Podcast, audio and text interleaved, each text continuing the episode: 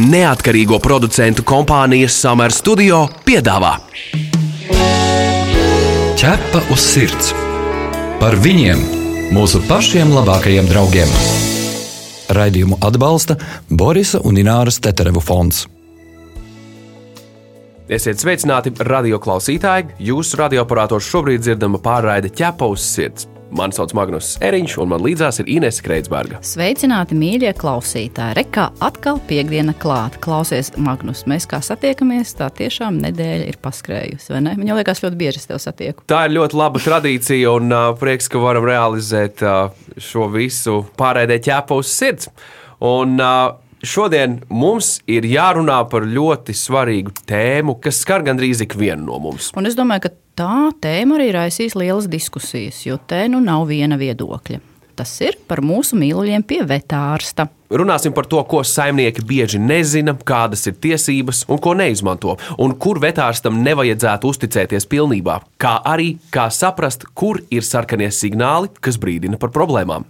Un šodien mums viesos ir Latvijas veterinārā ārstu biedrības vadītājs Valdis Šmēliņš. Labdien, Valdi! Labdien! Un suņa audzētāja Diana Kontakeviča.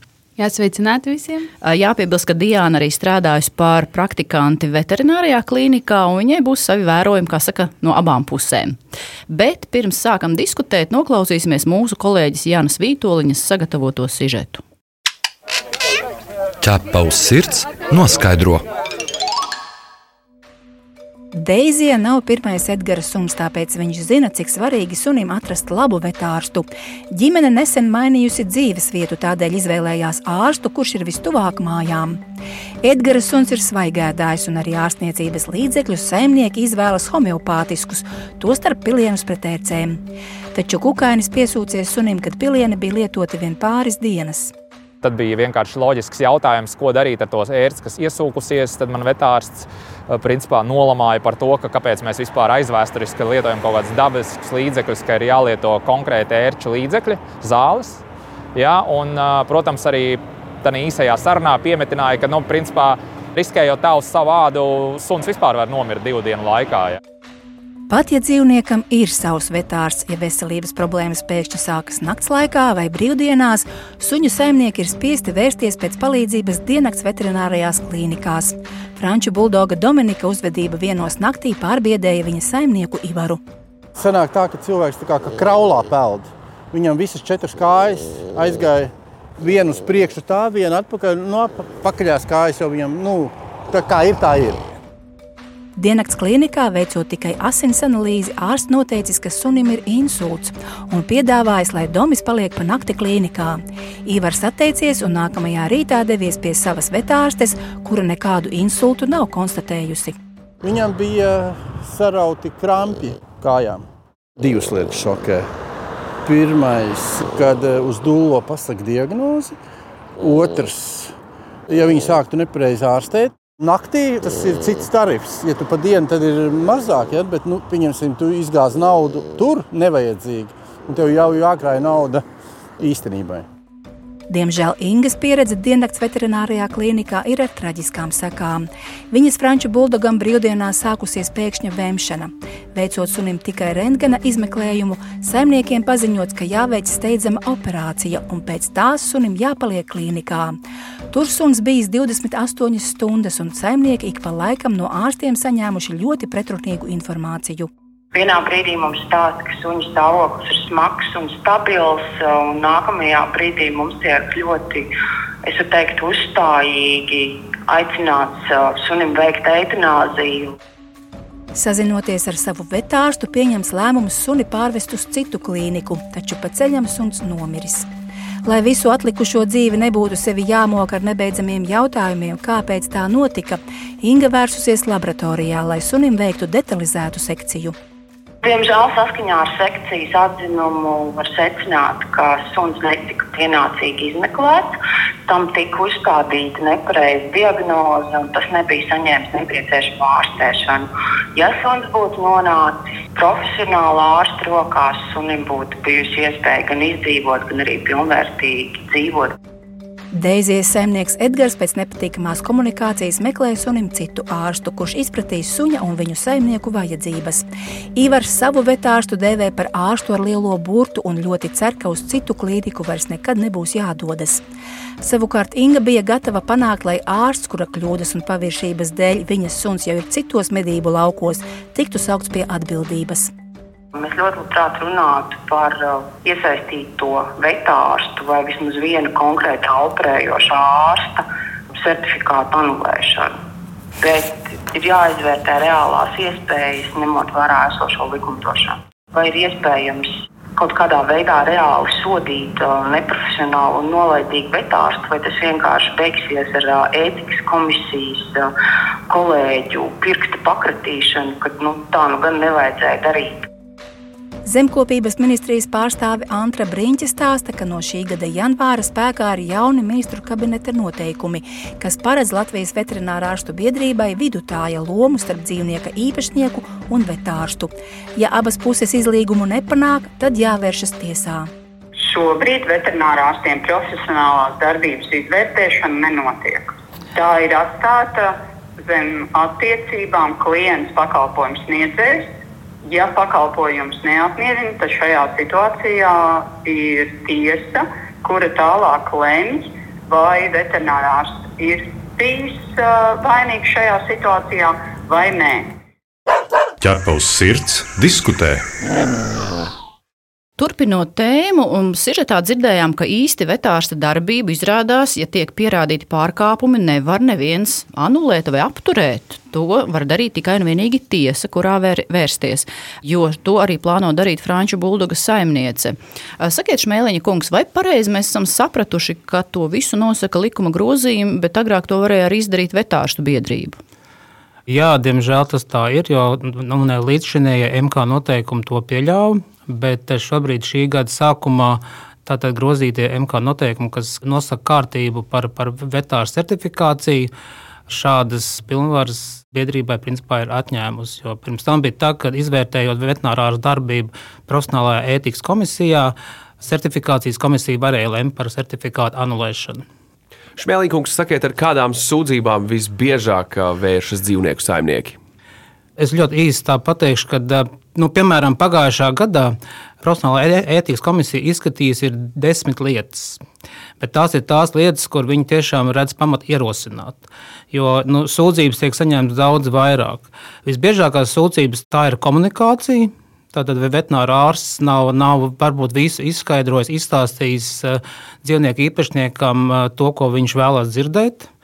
Tad eh, nākošais ir tāpat tās ir gadījumi, kad eh, parādās, ka veterināra ārsts tīri neprofesionāli ir rīkojies. Tad vai nu ir kļūdījies diagnozē, vai ir veids kļūdainu ārstēšanu. Un trešais ir eh, varbūt tāds strīdīgs, bet reizēm ir tāds, ka veterinārā ārsts ir atteicies sniegt palīdzību, bet ir gadījumi, kad viņš to var darīt. Ko jūs ieteiktu radioklausītājiem saistībā ar to, kā rīkoties domstarpību gadījumā?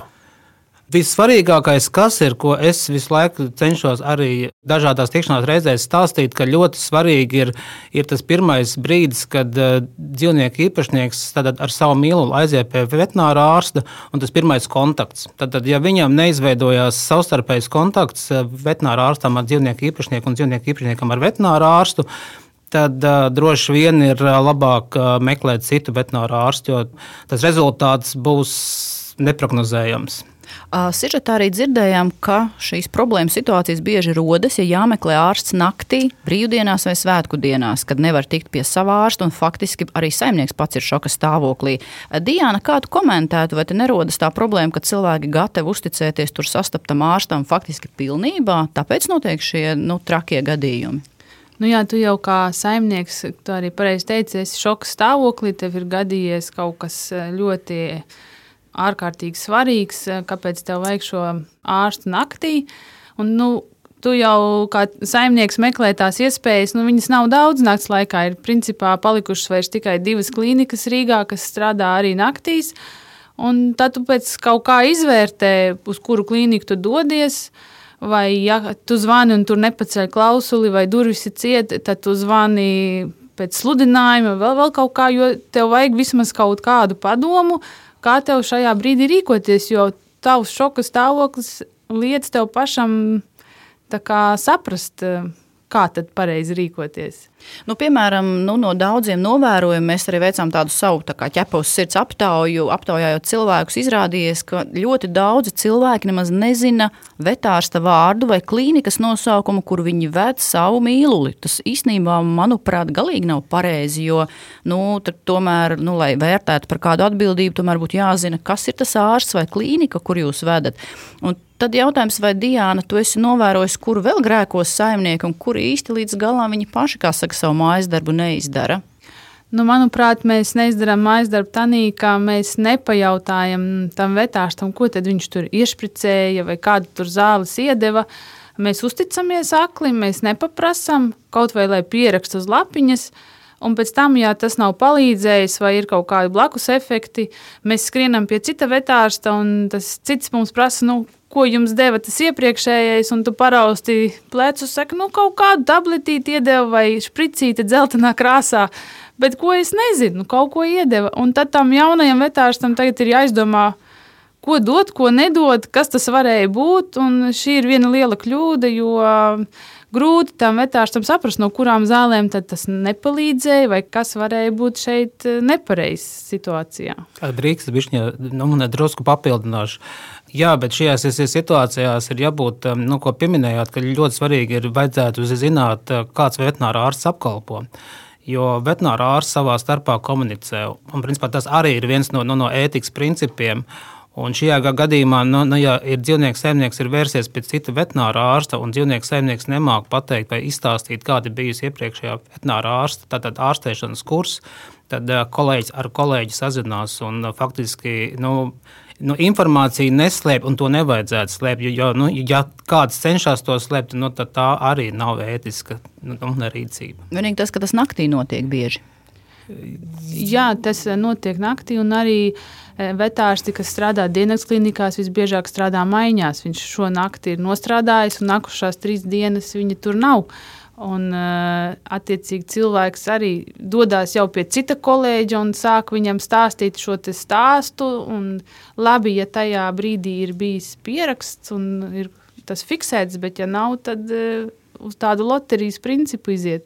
Skatoties no saimnieka perspektīvas, es saprotu, ka liela daļa dzīvnieku saimnieki nemaz nezina, ka var un vajag iet un pievienoties vetārstam līdz daudzās manipulācijās, protams, izņemot operācijas. Sakiet, kas tās ir un vai to cilvēki mēdz darīt Latvijā? Principā ir tā, ka uh, pašam suņu īpašniekam droši vien vajadzētu piedalīties kliniskajā izmeklēšanā, tajā brīdī, kad dzīvnieks tiek izmeklēts. Bet, kā jau pieminējāt, no nu, viennozīmīgi droši vien nav ieteicams, un principā es domāju, ka neviens par to nepraktizē, kad dzīvnieku īpašnieks piedalās nu, jebkādā manipulācijā, kas tiek veikta ar dzīvnieku. Nu, tas ir skaitā, tā ir skaitā arī operācijas.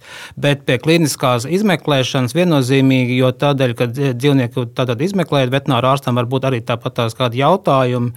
Un tāpat arī dzīvnieku īpašniekam var būt. Un, un, teiksim, kopīgi veidojās šī iespējamā diagnoze. Nu jā, jo tas, kas ir vērojams, ka cilvēki jā, bieži nepieprasa analīzes, izmeklējumus, domājot, ka tas taču ir klīnikas īpašums. Nē, tas ir jūsu īpašums. Jūs esat samaksājuši par šīm analīzēm, tas ir jūsu īpašums, un jums ir jāzina, kas tika izmeklēts un kādi ir šie rādītāji.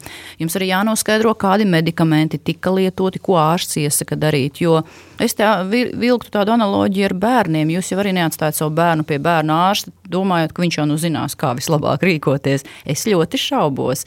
Varbūt Diana ir komentāri, ko varbūt cilvēki vēl nezina, kas viņiem ir atļauts un ko viņi varbūt neizmanto.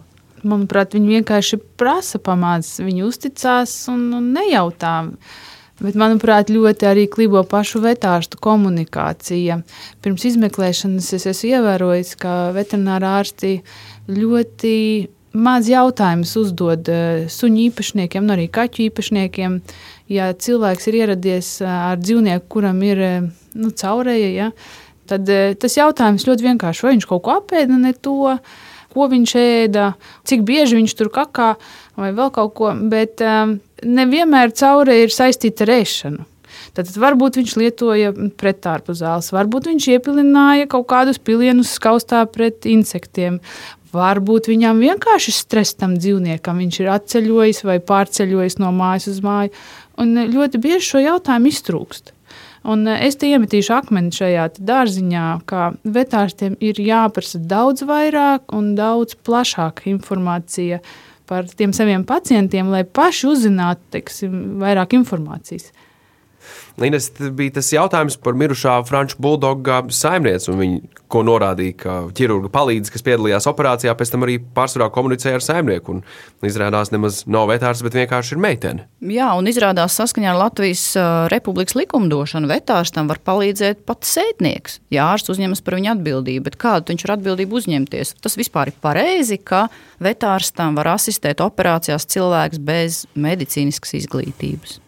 Šobrīd jau ir tā, ka um, faktiski šīs ir jomas, kas lēnām tiek sakārtotas, bet arī tāpat tās asistējot, tur ir zināmas prasības. Faktiski tā varbūt ir tā atgādnība, kad nu, nu, ja veterinārā ārsts pats būdams profesionāls, ja viņš pieļauj šādu situāciju.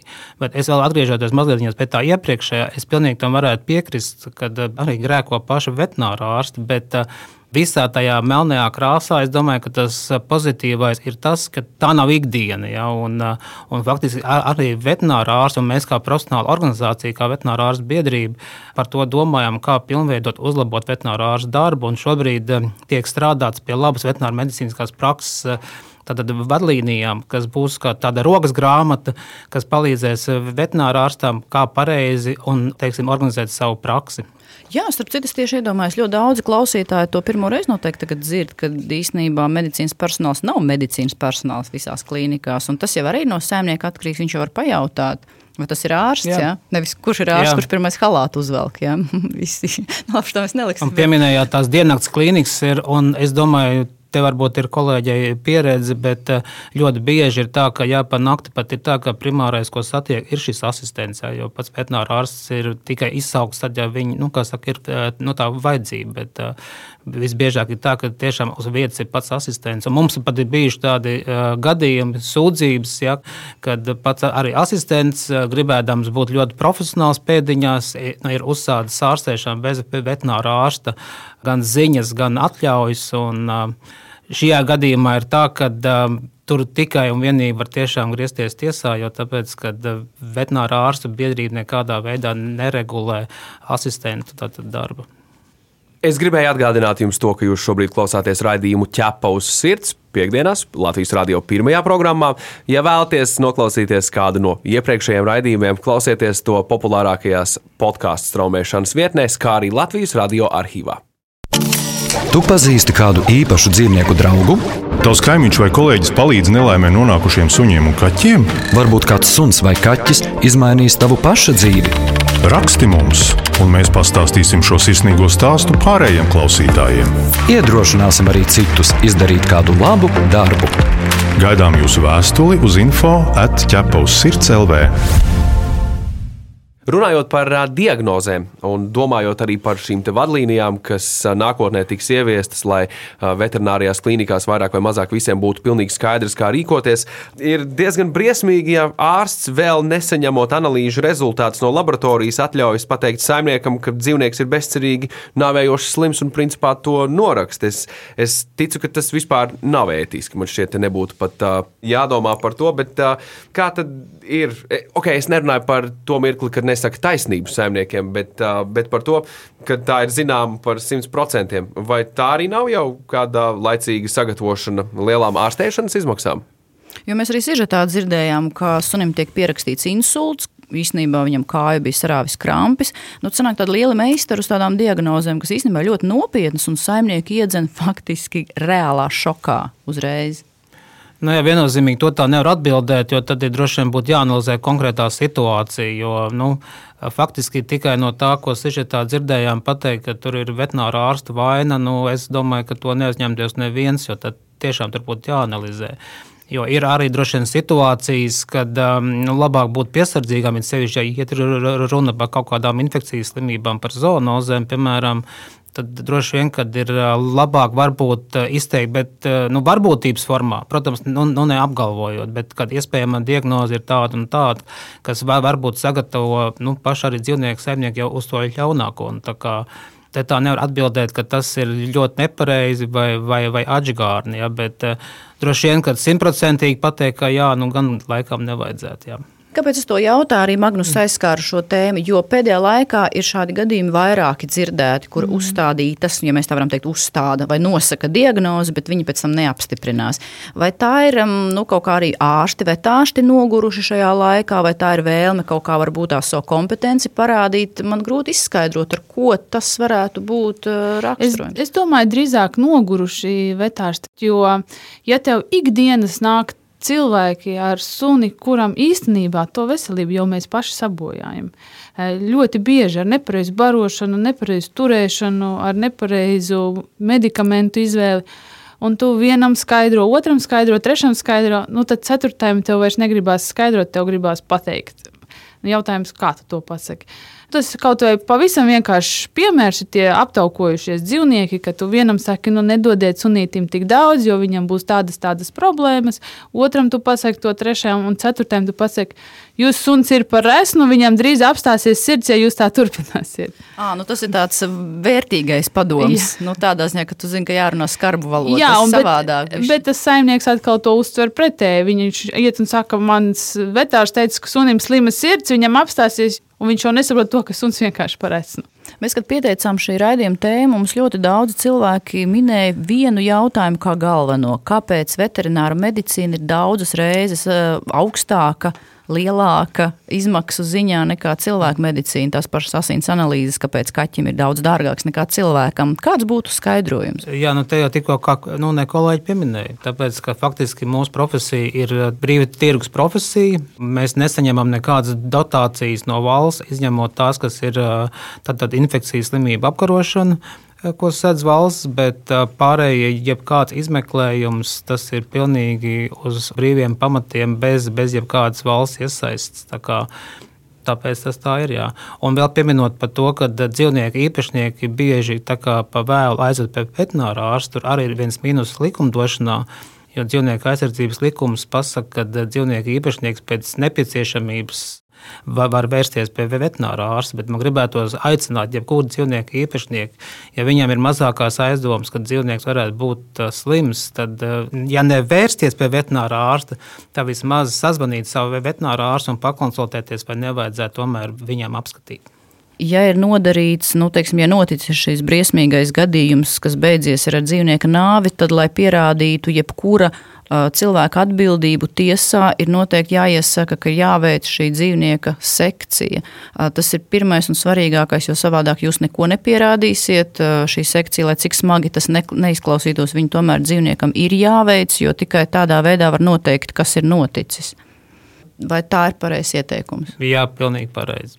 To sekciju vajadzētu veikt nevis pie tā paša veterinārā ārsta, kas to ir teiksim, darījis, bet nu, laikam jau tomēr tad, nu, labāk ir pie, pie kāda cita. Jo, teiksim, apzināsies diagnoze, tad nu, tas konflikts padziļināsies. Nē, protams, sekcija būtu jāveic nu, pie, pie cita, pie neatkarīga eksperta. Jā, jā, tieši tā. Jā. Kā ir ar uh, jauniem speciālistiem veterinārā Latvijā? Jaunā skola pret veco skolu, vai var, vai var tā sadalīt, un ar ko jaunie iespējams ir labāki? Nu, es domāju, ka nē. Nu, droši vien, ka šī brīža teiksim, ja jaunie kolēģi ir daudz nu, nu, nu, inovatīvāki, droši vien. Bet es domāju, ka zināšana jomā šobrīd pat ir, es domāju, jaunam speciālistam ir daudz vieglāk nekā teiksim, kaut vai gadus 15 atpakaļ. Ja, kad nebija daudz šīs diagnostikas iespējas. Kā, nu, es domāju, ka tā salīdzināt ir ļoti grūti, bet es domāju, ka no profesionālā viedokļa neatšķirās domāju, ne tie, kas ir 50 gadnieki un tie, kas ir teiksim, 30 gadnieki. Ja, jo, jo, jo mīts tāds, ka tu vari aiziet ar savu mājdzīvnieku pie veterinārā ārsta, un tev priekšā iespējams ir tāds jauns cilvēks, kuram tu negribi uzticēties kaut kādu iemeslu dēļ, lai kliedētu šīs bažas. Tāpēc arī jā, vēlējos noskaidrot. Ne, es domāju, ka var droši vērsties vienalga. Ja veterinārā ārstam ir certifikāts, tas principā apliecina, ka viņš ir profesionāls. Un, teiksim, tie gadījumi, kas tiek pieminēti, nu, kā pārkāpumu vai, vai negatīvu dzīvnieku teiksim, ārstēšanas rezultātu ziņā, nu, tie ir tādi atsevišķi, nu, kā saka, ikdienas nav, bet tie ir tādi atsevišķi gadījumi. Viena lieta, gan, kā teiktu, tagad ir modē vai trendā, ir tas, ka ir zoopsihiatrija ļoti populāra. Es domāju, ka viņi paliks arī populārāk. Mums jau gan maz to speciālistu tur, bet nu, nav to, tādā. ko es teicu par dzīvnieku psiholoģiju, jā, kas, kas principā, nu, ne Latvijā tādi, nu, es gribētu teikt tā, ka tas nav izteikti, bet tiešām dzīvnieku psiholoģija, kas ir Eiropā samērā populāra, jā, un tiek veikta, tad eh, pie mums tas varbūt vēl nav tik plaši izplatīts, jā. Es uzskatu, ka mums mazliet Latvijā trūkst tieši speciālistu uz uh, konkrētām problēmām.